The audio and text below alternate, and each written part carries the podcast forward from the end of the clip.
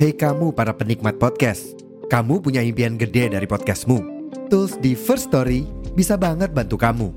Mulai dari F-Link, Dynamic Audio Insertion, sampai statistik yang komprehensif, semua ada di First Story.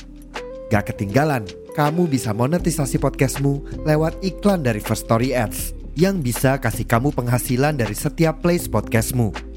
Yuk gabung sekarang dengan klik di firststory.me.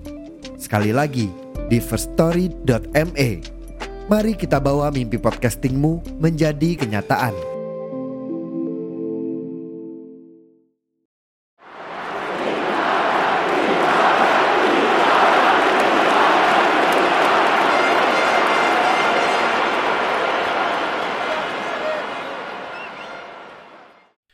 Selamat datang di Optis, obrolan para tifosi sepak bola. Di episode kali ini, gua nggak sendirian, seperti biasa, masih ditemani oleh para pundit korporat. Ada Bapak Aldi Halo guys. dan ada Bapak Laksmana. Wirangga, saya sebagai pecinta getuk lindrih. Ya, saya sebagai pecinta kue putu di sini mau, Gue buat gongso. Waduh, waduh, itu jokes-jokesnya udah itu industrial. ya? industrial kita dari dari YouTube tuh kayak industrial jokes YouTube. kita sekarang. Masya Allah. Wih gue kayak kasih solusi gue kayak podcast kasih solusi ada itunya. Eh jadi gini loh. Di episode ini tuh gue pengen ngebahas klub kesayangan lu kok. Kenapa? Nggak maksud gue kenapa klub-klub Italia ini juga gue bingungnya kayak dikit-dikit ditimpa masalah Juve problematik gitu MU oh enggak MU bukan klub Italia ya Eh, Inter Inter problematik gak sih Inter enggak ya aman Iya pernah pernah, tapi Pernah. ya udah lewat lah masanya kalau sekarang kayaknya. Nah kalau sekarang kayaknya ini klub juara yang kayaknya kaget nih dia Hmm. jadi klub juara ya. Enggak sih, Ini- ini udah ini udah masalah menahun yang buat gue sih ini jadi hal yang biasa aja sebenarnya. Cuman yang sangat disayangkan adalah waktunya kenapa selalu di saat-saat tim lagi mencoba untuk bangkit lah atau mencoba kembali di performa terbaiknya gitu. Oke. Itu yang nggak, jadi masalah. Tapi gini teman-teman, sebelum kita lanjut nih ya, gue pengen eh, jelasin dulu bahwa yang akan dibahas di sini itu tuh eh, mengenai kasus Osimen, di mana dia di roasting oleh eh, akun Timnya sendiri. akun akun sosial media klubnya sendiri lalu berujung pada eh, Osimen memberikan tuntutan. Bahkan yang gue baca sekilas ya itu tuntutannya class class action gitu. Jadi buat teman-teman yang belum tahu tuntutan class action itu tuh ada adalah sebuah tuntutan hukum di mana satu individu itu eh, melaporkan untuk mewakili individu-individu lain ya bahkan kelompok gitu. Jadi eh, kalau misalnya ini kan kasus perdata. Jadi klub yang dituntut dalam hal ini Napoli gitu itu bisa jadi kerugiannya tuh jauh lebih besar gitu karena dia harus mengganti bukan cuman ke satu individu tapi ada banyak gitu. Betul. Nah, gua mau mungkin di sini gue juga nggak bisa terlalu banyak eh, menanggapi ya, paling memberikan opini-opini aja nih. Ya, gue mau memberikan eh, ulasan fakta-faktanya itu kepada Bapak Laksmana Wirangga lah. Enggak Jadi sebenarnya ada apa gitu? Ada apa? Ada apa dengan Osimen dan Napoli gitu? Justru- Kenapa jadi tidak harmonis seperti ini? Justru mungkin gua serahkan ke Aldi, dia ceritain sudut pandangnya dia yang Oh. dia yang dia tahu seperti apa. Nanti mungkin gue bisa tambahkan informasi-informasi yang lebih so- detail. Masalahnya, masalahnya Aldi ini udah banyak kena ini di sasaran kritik, Iya. sasaran Iya. kritik Iya, nggak, dari teman-teman, teman-teman satu ini. Beda satu- beda media, beda Iya. media. beda media. Kita sebagai talent kita banyak dikritik khususnya Iya, Aldi dalam, Khususnya dalam hal ini ini lagi lagi ke Aldi aja. lagi ke Aldi karena memang banyak dibilang eh, mas-mas data salah mulu. bilang ini main Iya, Mas. ininya enggak ternyata mau ma- ini pelatihnya ini ternyata dipecat Mas masalah data. mas masalah data mas yang ini mainnya lebih ke belakang mas nggak ke depan gitu. Iya, ada lagi yang bahas Pioli. Enggak, Inter nggak pernah peringkat dua iya, sama Pioli. Iya, aduh kasihan banget. Mana sekarang yang baru saya baca ini mau sama mas-mas fans Napoli tapi netral. Ya Allah saya ngefans dari 2013 dibilang netral. Enggak. Ya itu berarti tandanya lu kayak krisis identitas gitu, Bro. Lu lu aduh.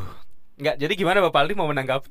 Menanggapi apa dulu nih? Menanggapi itu, tuh, itu mau ini mau jadi sasaran kritik lagi atau mau langsung aja cuek gitu. Ya nggak apa-apa gue mah. Yang yang gue tahu kalau yang masalah Osimhen ya ya sosial media terutama yang di TikToknya kan ngepost postingan yang ngetrol dan gua nggak tahu yang satu lagi tuh masuknya konten apa tuh yang kokonat kokonat itu tuh Gak jelas konten. maksudnya, konten maksudnya konteksnya nggak ada juga kan Konten goblok. konteksnya gue gak ngerti Iya. kalau yang itu kalau yang itu emang ngetrol lah ngetrol opini gua secara konten yang penalti itu Hmm. secara jokes bagus opini gua ya tapi mungkin nggak sepatutnya diposting oleh klub sendiri tapi Nah. secara jokes bagus Iya. Ya, tapi kalau itu maksud gua gini loh, kalau itu momennya adalah momen latihan itu masih Iya. oke buat lucu-lucuan. Iya, kalau- karena Nah, di pertandingan aja sih resmi, Pak. Hmm. Pertandingan seri A. Dan itu eh, apa namanya antara tiga poin atau satu poin kan kemarin Iya, kan? Iya, bener. Jadi kayak emang penentu menentukan. Iya, gatet momen banget itu sebenarnya dan Iya, itu diledekin sama tim Sama sendiri. tim sendiri kan gitu. itu goblok namanya. Iya, iya. Ya, Ya, i- terlepas dari orang Itali memang rasis ya. Ya maksud gua tidak sepatutnya lah itu tetap pemain lu loh. Itu striker andalan lu yang musim lalu mencetak berapa 30 gol kalau nggak salah tiga- ya. sekian iya. kalau total sih kayaknya ya nyampe total Kalau- mungkin ya hitungan sama Champions tapi Champion. gue 20-an something sih. 28 Nah, 26. Nggak respect gitu bro Kita tuh harus Betul, tinggi betul, sportivitas dan betul. respect Yap. Tapi eh, ini menarik nih Eh, Gua tadi sebelum tag ada bocoran-bocoran dari fans Napoli eh, netral Fans Napoli netral Itu katanya sebenarnya ini tuh tip of the iceberg aja Iya, Yang betul. masalah postingannya si eh, Napoli itu Betul, betul. jadi sebenarnya di balik itu tuh udah ada. Nah, coba jadi sebenarnya ada gulungan bola salju apa di belakang eh, postingan TikTok yang menyerang Osimhen? Iya. Sebelumnya ada apa? gitu? Semua ini berawal dari awal musim 2023-2024 di mana pada saat itu Osimhen sedang berada di Nigeria enggak sih Eh, ya benar itu dia lagi eh, lagi pemusatan latihan bareng sama tim nasional Nigeria Iya. jadi sebenarnya Osimhen itu dari awal memang udah banyak kan diisukan hengkang ke tim-tim Eropa lah Ya. spesifik yang memang sudah paling santer kedenger itu mungkin eh, MU, PSG, sama ada satu lagi dari klub Arab dari Al Hilal. Jadi memang sebenarnya di musim awal 2023 itu ini informasinya datang dari pelatih timnas Argentina. Eh Argentina. Yang bener. Messi dong dari timnas Nigeria.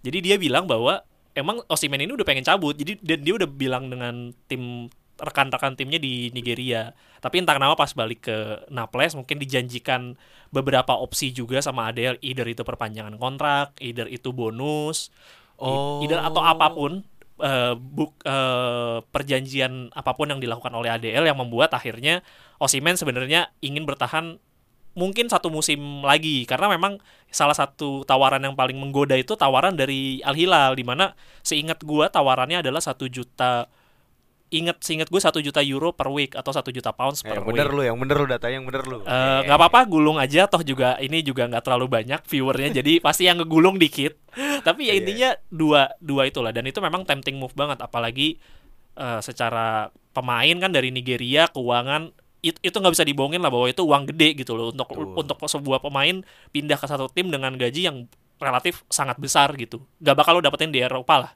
dua ratus ribu euro per atau pounds per week aja itu udah salah satu gaji terbesar lah di Europe tapi dia bisa dapat satu juta pounds per week di eh, Arab. Liga Arab. Arab. Oke, Eh, lanjutlah karena memang pada akhirnya Osimhen gak cabut dan memang juga dijanjikan eh, akan jadi core elemen di taktiknya Rudi Garcia di musim ini.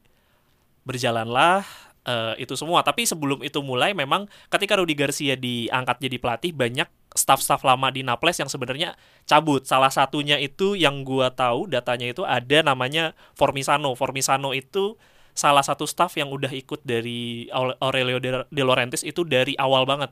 Jadi dia udah bener-bener ngikutin De Laurentiis dari zaman Serie C seinget gue. Jadi udah la- cukup lama Eh, karena ketidaksetujuan terkait dengan eh, Spalletti, pe- hengkangnya Spalletti, perpecahan itu terjadi, staff-staffnya Spalletti banyak yang cabut, lalu eh, cabut juga salah satunya adalah Formisano. Itu sebenarnya awal mula keretakan di dalam gitu. Jadi kerusakan internal organnya itu udah dimulai dari situ. Lalu masuklah ke dimulai musim permainannya nggak stabil, taktikalnya juga sangat-sangat minim banget yang dikeluarin dari Rudi Garcia dan memang ini mengulang kisah tragisnya Rudi Garcia di Roma sebenarnya, tapi memang terjadi lebih awal aja karena dulu kan di Roma dia baru musim kedua dia dipecat kan. atau mungkin ketidaksetujuannya baru hadir di musim kedua. Nah ini oh di iya musim iya iya, iya. ini Benar, belum sampai Giornata. Jadi kita tag ini baru di Giornata kelima ya. Giornata ke tujuh Sekarang udah Enam. masuk ke enam. Sekarang Enam, mema- enam, eh, enam. nanti malam kita tag hari Rabu malam. eh ini baru mau masuk Giornata ke-6 dan di Giornata kelima itu memang udah perpecahan itu udah kelihatan lah bahwa secara taktikalnya nggak jalan, miskin taktik, peru- pergantian pemain yang tidak perlu itu udah sering banget kejadian di eh, masanya Rudi Garcia. Oke, itu udah secara taktikal. Lalu masuklah ke case yang tadi sempat Aldi bahas, yaitu masalah media sosial di mana eh, media sosial official SSC Napoli sendiri yang ada di TikTok itu ngelakuin trolling ke pemainnya sendiri. Yang which means sebenarnya secara konten buat gua tetap tidak lucu karena buat gue masih belum mengerti lucunya konten-konten di TikTok itu seperti apa karena memang aneh aja gitu loh maksudnya pakai dubbing apa eh, Ya, gua- buat gue nggak gua- relate gue nggak relate Gua, gua, gua juga nggak relate. Gua, gua pun gua pun eh, bersosial media saat ini nggak punya TikTok. Cuma Aldi doang di sini yang iya masih iya hanya Aldi saja di sini ikut- yang punya ikut media wave- Cuma ngeliat-lihat doang Z. nggak nggak yang masih bisa buat. ngikut ya karena anak-anak pertelevisian kan wave-wave-nya memang harus bisa ngikut industri Enggak kalau Aldi mah emang itu aja dia mah demen yang seger-seger dia nyari hiburannya gitu dia yang pargoy pargoy. ya kan dia juga konten kreator gede juga di TikTok iya sih. jangan salah bos. Iya tapi ada, maksud gua kan pernah. ya tapi dia buat casual juga pakai TikTok. Kalau kita kan enggak tuh. Enggak, gua gua sih kalau bukan karena optis di TikTok, gua nggak akan pakai TikTok sih. Gak bakal buat gua Iya, pakai monitor, tapi ya kalau kalau Aldi emang suka iya. dia. Balik lagi kontennya buat gua Eh, biasa. tapi bentar bentar bentar bentar. eh. Tapi buat lu lucu nggak konten Osimen di TikTok? Kalau yang give me Kan lu anak penalti, anaknya anaknya kan TikTok banget tuh. give me penalti menurut gua oke karena itu mengamini kesalahan si Osimhen ya, cuman kayaknya kalau diposting sama klub sendiri nggak sepatutnya gitu. Kalau di, Hmm. andai kan itu diposting oleh fans klubnya Napoli masih nggak apa-apa menurut gua. Iya iya. karena itu sih. mengamini ya itu kesalahan dia gitu. Kalau misalnya diinin malah apa ya kayak sorry. malah malah jadi ini kan malah jadi apa sih kayak lu kayak memberikan sinyal-sinyal bahwa lu nggak suka sama pemain ini gitu. Iya, Jadi iya, malah iya. kayak dan bisa menggiring opini juga gitu loh jadi Iya. bola liar gitu apakah ini sebuah rasisme atau ini sebuah eh, usaha untuk bikin lu nggak betah gitu Iya. loh kayak kayak orang di kantor kan ada lah yang Iya, dipaksa untuk resign gitu kan Betul. tapi dengan Iya. lu kasih environment yang nggak nyaman Iya. gitu ya Emang ada dua dua dua highlight yang diambil dari konten TikToknya. Yang pertama yang penalti gagal itu yang menurut gua masih nggak lucu juga. Yang kedua adalah yang konten kokonat itu yang gue juga nggak ngerti Iya, gua lucunya nggak- apa. Enggak, di situ gue juga bingung. Itu kan kayak it's not male, it's not female, terus Iya, it's iya. coconut. Iya, Kayak eh, gua gua tahu arahnya karena kan rambutnya Osimen kan memang mirip kayak warna kokonat kan, Iya. warna serabut kokonat, makanya diambilnya ke situ. Cuman masih gua masih Eh, tapi nggak bola paham. liar dong. Bola liar. Karena itu ada ada bahas gender juga, which is Mahal, Iya. paham. di Tapi itu Eropa sana kan agak- kabarnya emang ada trennya itu, ada tren yang pakai sound itulah. Iya, ada iya. Jadi trennya. dia balik lagi kita itu nggak ngerti tren, cuk cukup kita aja Iya. nggak ngerti tren dan mungkin beberapa orang di luar sana juga nggak ngerti tentang itu karena kan TikTok itu satu platform yang cukup baru ya di either di Europe atau di Amerika tuh TikTok itu memang besar tapi nggak nggak yang bener-bener wave banget gitu loh. Iya. Jadi mungkin ada beberapa yang punya kebingungan tentang tentang ini artinya apa, meaningnya kayak gimana. Dan buat gua pribadi gue juga nggak terlalu paham sih kenapa dia ngupload itu gitu. dan TikTok itu juga kan eh, ini loh, apa dia bener-bener gede gitu loh dan dan secara algoritmanya dia bisa ke mana-mana. ke mana-mana gitu kan. Betul betul dan nggak ada nggak nggak dikasih deskripsi apa apa yang dan nggak perlu juga sih buat gua It's sih coconut. jadi tapi ya ya akhirnya orang bola liarnya betul yang ke, yang konten kokonat itu jadi ngarahnya ke rasisme karena Hmm. warna kulit lah karena apa lalu yang penalti juga karena lu disrespectful atau akhirnya jadi nganggepnya bahwa ini klub ngetrade-nya bukan kayak pemain dan yang yang berikutnya adalah nih ini well managed atau enggak sih secara Iya. secara secara media sosial gitu tapi tapi gini tapi eh, sebelum kita lebih jauh bahas tentang sosial medianya ini eh, si Oshimen ini juga eh apa apa gitu apa gitu sebenarnya yang akhirnya bener-bener memperkeruh konfliknya itu tuh kan dia udah maksud gua dia kan tetap sebenarnya Iya. dikasih nih posisi di Napoli saat ini Iya. jadi squad utama gitu jadi Betul. key player gitu tapi it doesn't work with Rudi Garcia yang membuat dia jadi tajam juga atau karena memang secara manajemen juga nggak suka dengan movement-movementnya Oshimen yang nggak mau perpanjang kontrak, padahal lu udah dikasih apa yang dia mau atau gimana gitu? Maksud gua eh atau emang taktik Rudy Garcia aja bapuk dan dan mungkin Osimen juga jadi ngerasa tidak di ini ini tidak dihargai pendapatnya gitu Hmm. kayak terakhir kan di Jornata 5 ya eh, yang dia ditarik di menit 80-an dia malah kayak ngasih sinyal dua Hmm. eh, ngasih dua jari gitu kan kayak lu harusnya dua striker Hmm. bro gitu itu kayak itu gimana gimana gimana Ya kalau gua ngelihatnya ya, kalau masalah performance sih dari kemarin buat buat gua Osimen tetap main bagus ya. Kayak kayak lawan Braga itu di beberapa kali kena tiang. Sebelumnya juga main kena tiang juga. Lawan Bolonya juga sama kena tiang lagi. Jadi emang permasalahannya memang, memang secara secara ketajaman memang ya lagi apa saja as usual lo kalau nonton bola adalah pemain-pemain yang lo suka ya tapi memang apa saja mungkin secara pema- per- pem- secara Osimen gue nggak bisa nyalahin terlalu banyak lah ya Eh, secara secara permainan gitu. Tactical sudah pasti memang miskin taktik lah Rudy Garcia sudah bisa dibuktikan dari zaman dia di Roma Di dan Roma, ya sekarang Roma, juga ya. lo udah bisa lihat lah bahwa nggak punya opsi lain gitu ya emang bener-bener bapuk aja tapi kalau lu dari lu di maksudnya dari sisi kita nih orang luar gitu Hmm. non fans Napoli gitu lu ngelihat what went wrong gitu dengan si Osimen dan Napoli di musim ini gitu padahal juga Giornata juga baru sedikit loh maksud gua apakah ini buah ketidaksabarannya Aurelio apa Aurelio di, Di Laurentiis. Laurentiis atau apa gitu di kalau lu dari dari lu sebagai kacamata fans eh, Serie A lah gitu.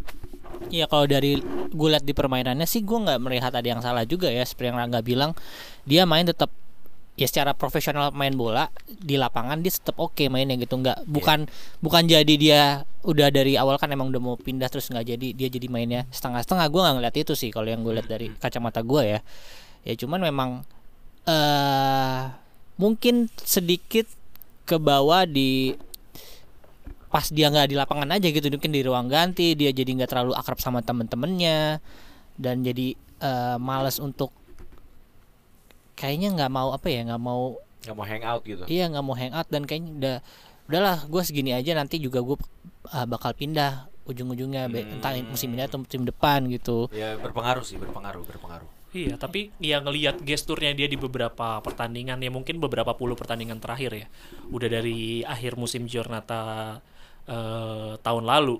Memang nih pemain udah udah terlihat hawanya tuh udah merasa lebih besar daripada Mm-mm. tim itu sendiri gitu loh, Iya, ngelakuin dan- protes berlebih, oke diving diving yang nggak perlu, yang di mana lo sebenarnya lo bisa kejar gitu loh. Udah jiwa jiwa fighting jiwa fighternya tuh udah nggak ada gitu loh bahwa pengen nyari bola-bola gampang lah istilahnya gitu udah merasa diva ya udah merasa iya, udah ngerasa diva dilayani gitu, harus dilayani.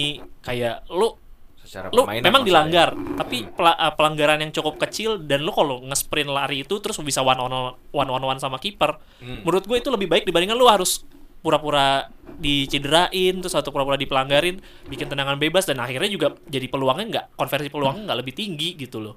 Jadi Oke. ini pemain juga sebenarnya dari dari akhir musim kemarin juga udah terlihat bahwa dia ini kayaknya udah mulai lebih merasa lebih besar daripada timnya sendiri. Menurut gua ini jadi faktor mungkin gulungan yang sampai sih permasalahan yang sampai ke sekarang juga gitu loh. Oke, tapi apakah gue ke Aldi dulu nih untuk pertanyaan ini. Tapi apakah apakah lu ngerasa kasus Osimen ini tuh akan berpengaruh eh, besar ke Napoli di sisa musim berjalan gitu? Maksudnya secara permainan, secara tim gitu dan secara result gitu nantinya di di hasil akhir gitu. Secara result gue yakin iya karena Osimhen ini pemain andalan mereka lah kita nggak bisa tutup sebelah mata lah Iya, karena di sana ada pengganti yang cukup sepadan. Simeone menurut gua, kan? ada Si Giovanni Simeone, iya. Dan Raspadori juga bisa ditaruh. Iya, di sana. Raspadori. Raspadori. ya gue rasa sih eh, dua dua main tadi memang levelnya masih belum se Osimhen Iya, dan oke. ya secara starting line up kan Guru di Garcia juga latihannya chemistry-nya mungkin udah satu tim yang starter itu tuh yang udah dijadikan ah, patokan lah ketika tiba-tiba pemainnya yang main jadi Giovanni Simeone gua gua kira gua rasa sih karakteristik beda, karakteristik beda ya Beda, beda. betul. beda kan ya Beda. pasti dia akan pakai game plan-nya juga beda Lebih teh, lebih teknikal. pendalamannya Hmm. Iya iya iya ngerti gue. Jadi jadi dalam hal ini berarti eh, berpengaruh karena Rudi Garcia juga harus meracik lagi, harus adaptasi lagi gitu. ya. Iya, menurut Dan gua sih gitu. latihannya juga harus disesuaikan dengan eh, dengan menganggap Osimen ini nggak ada gitu. Padahal eh, squad ini juga dibangun dengan dia sebagai ujung tombaknya. Bukan berarti ketergantungan sepenuhnya dengan Osimhen, tapi memang secara skema ya butuh pemain seperti Osimhen. Hmm. Buat gue sih gue bisa Kalau bilang dari sekarang sebagai fans iya. gitu lo apakah tapi gue pengen nanya perasaan lu dulu deh kayak lu tuh kesel sebel sedih atau Nggak, nggak. kecewa Udah biasa gue. yang kayak gini tuh udah bukan menurut gue ini udah ketiga kalinya gue Iya. punya pemain kesukaan gue gitu yang akhirnya bermasalah sama klub. Maksudnya di Napoli ya. ada Ini- Lavezzi Cavani ada ya. Lavezzi, Eh, Cavani salah satu yang enggak. Jadi dia cabut ya udah. Eh, Oh, milik hi- eh, milik sama Hamsik. Lavezzi Hamsik gitu. iya nggak sih Hamsik? Hamsik enggak, Hamsik, enggak ya? Hamsik Hamsik enggak. baik Hamsik ya? kan juga keluarnya setahu gue free transfer juga. Oh. Nah, karena betul, kontraknya betul, habis betul, kan. betul, Akhirnya betul, dia betul. pindah ke Cina kan di El Pro yang ya, pokoknya itu Iya, lah iya, benar, klubnya.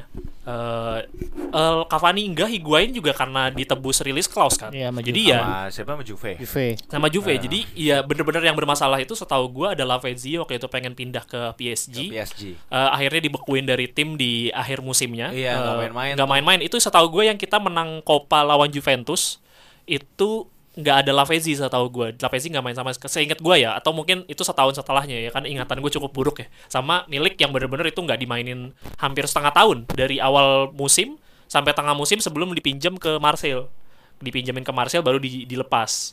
Nah itu itu dua kasus itu. Jadi buat gue ini hal yang gue udah gue nggak expect bakal jadi case tapi gue udah terbiasa sama ngelihat potensi-potensi isu yang kayak gini lah apalagi ngelihat Osimhen juga pemain gede mungkin gue sih kayaknya gue berpikir kayaknya Kvaratskhelia duluan deh yang punya kasus karena kan yang kemarin banyak protes kan iya Kvarat Ya, kan tapi gue kalau mau nanya sedikit juga Hmm. eh, deng- dari dua pengalaman yang tadi tuh maksudnya kan udah pernah Hmm. bermasalah sama Lavezzi dan Milik.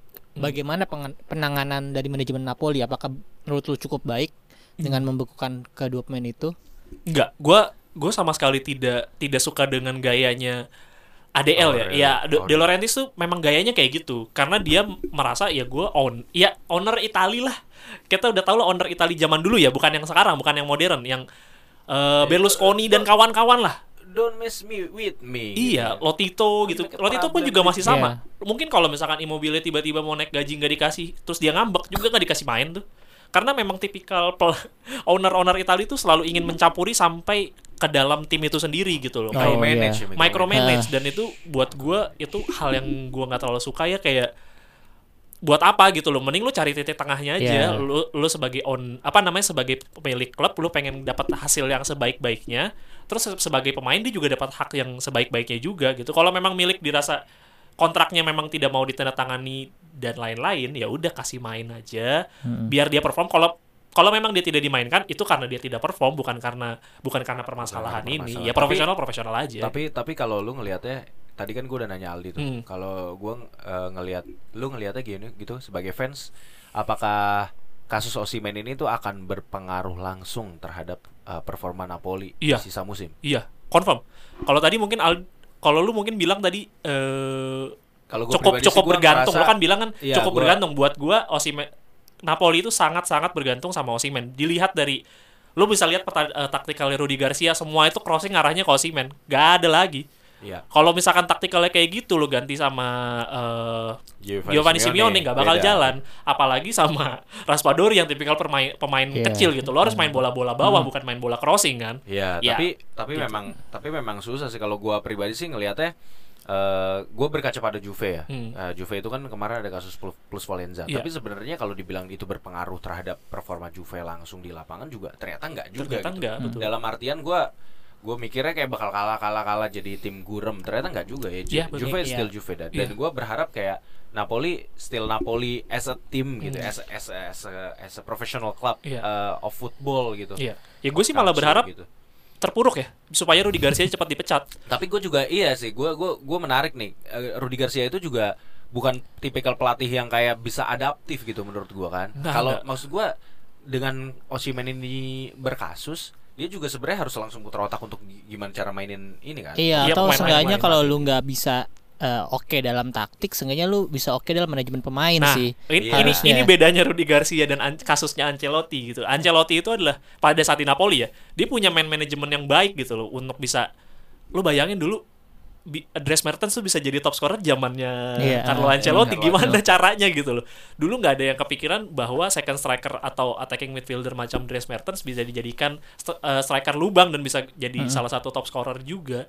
Jadi ini yang menjadi pembedanya gitu Rudi Garcia sebagai pelatih yang memang secara zaman sudah berakhir gitu loh. Eh, disuruh nanganin tim mantan juara gitu ya. Menurut gue ini sih salah satu blunder terbesarnya De Laurentiis juga gitu ya. Pada akhirnya tip of icebergnya ya udah berakhir di Osimen kan. Jadi permasalahannya meledaknya di Osimen. Menurut gue tanpa ada kasusnya Osimen, feeling gue akan ada kasus-kasus lain sebenarnya yang akan meledak duluan. Tinggal nunggu siapa yang duluan bermasalah aja. Ternyata yang duluan Osimen. Kalau oke, gua be- berge- move on ke konklusi nih. Kalau dari lu di, kalau dari lu solusinya apa gitu? Kayak maksudnya ini berandai-andai aja what if gitu. Maksud lu, eh, maksud gua, lu merasa apa nih yang harus dilakukan oleh manajemen Napoli untuk memperbaiki ini agar tidak eh, berpengaruh langsung ke performa apakah ganti pelatih atau kayak dia harus segera mengamankan striker baru untuk nanti masuk di bulan Januari gitu.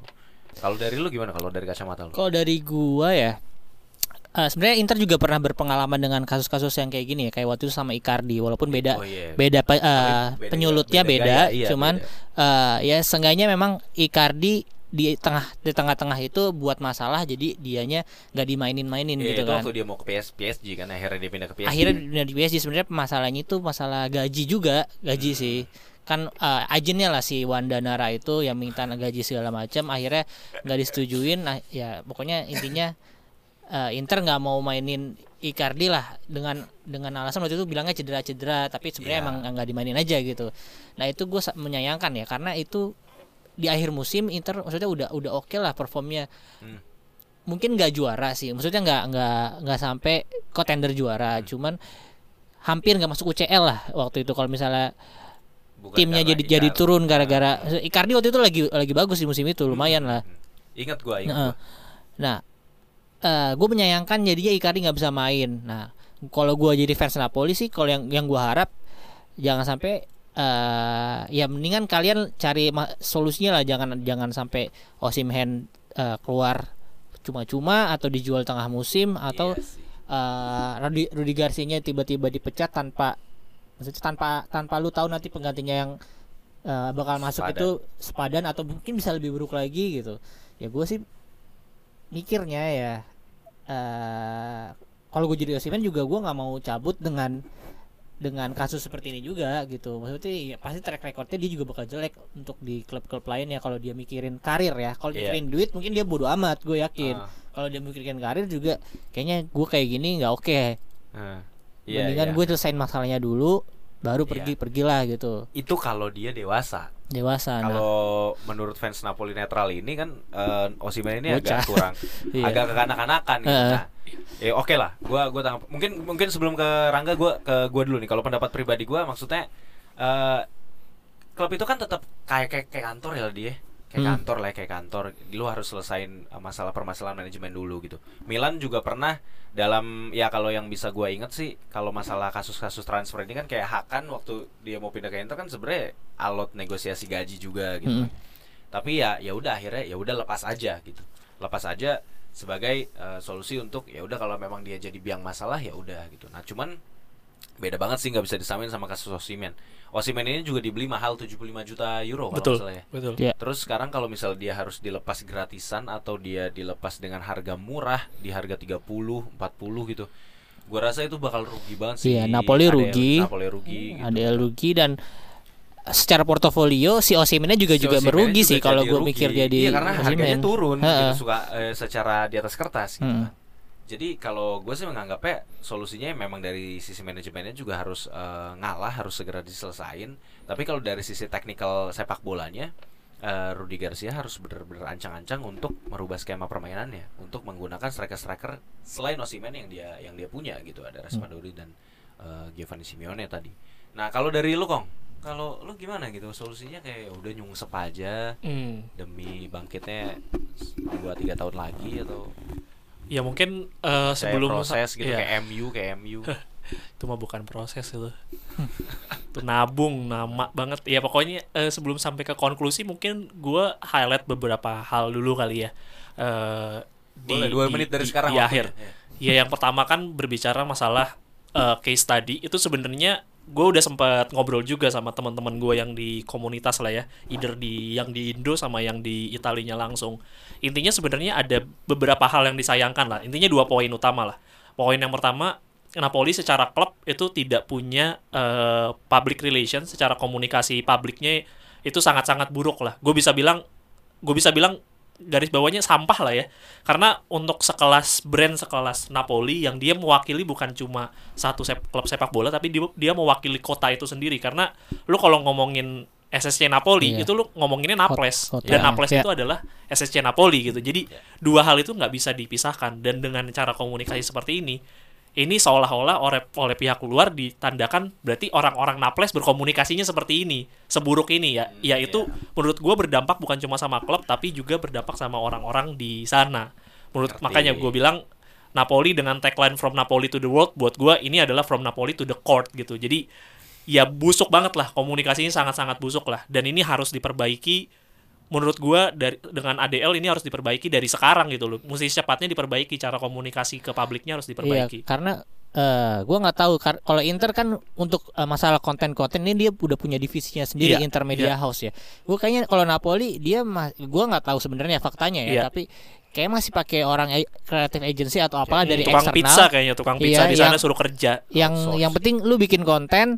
Nah, tapi eh Validasinya di- Iya, gimana? nggak pakai approval dari mungkin yang lebih ber mungkin ya mungkin mereka gitu ya. mungkin Jadi- mereka bisa pun bekerja dengan sendiri bekerja sendiri gitu loh, tanpa ada approval dari pihak manajemen gua nggak tahu Iya. itu itu masih jadi tanda tanda tanya tanda tanya besar lah bagaimana cara mereka eh, melakukan eh, kurasi konten lah tapi pada intinya gue bisa bilang bahwa public public communication mereka spesifiknya ngomongin di TikTok itu sangat-sangat buruk lah Ya. tidak mencerminkan tagline apa yang mau dibawa. Yang kedua, balik lagi ke masalah Osimen.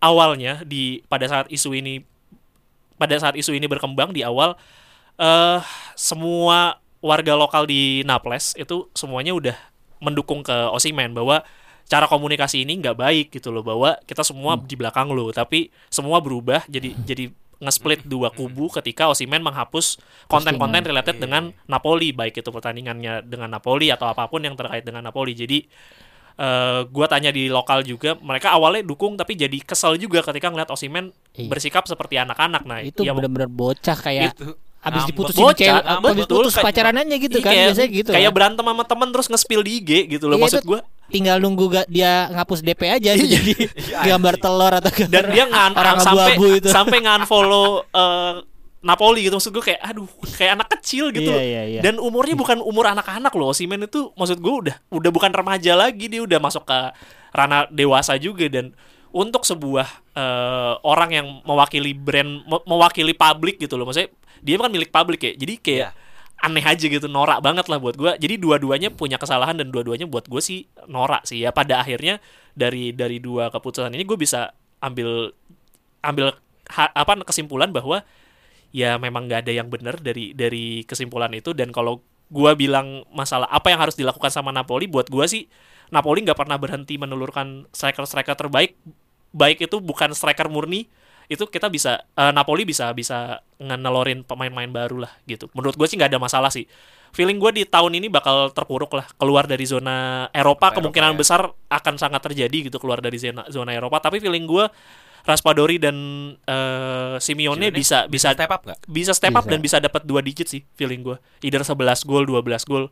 Mereka Oke. mereka bisa dapat sih. Dan gue cukup percaya diri sih. Tapi Rudi Garcia dipecat dulu ya itu syaratnya. Oke. Giornata baru ke-6, Betul. jadi kita masih harus open minded ya. Ya. Untuk ngelihat eh, sisa musim ini gitu. Masih panjang, masih panjang banget gitu. Ya mungkin untuk episode kali ini itu aja. oke Terima kasih sudah mendengarkan teman-teman. Eh, ciao. ciao bye bye Bye bye. gue udah gak mau pakai pantun pantun ini lagi sedih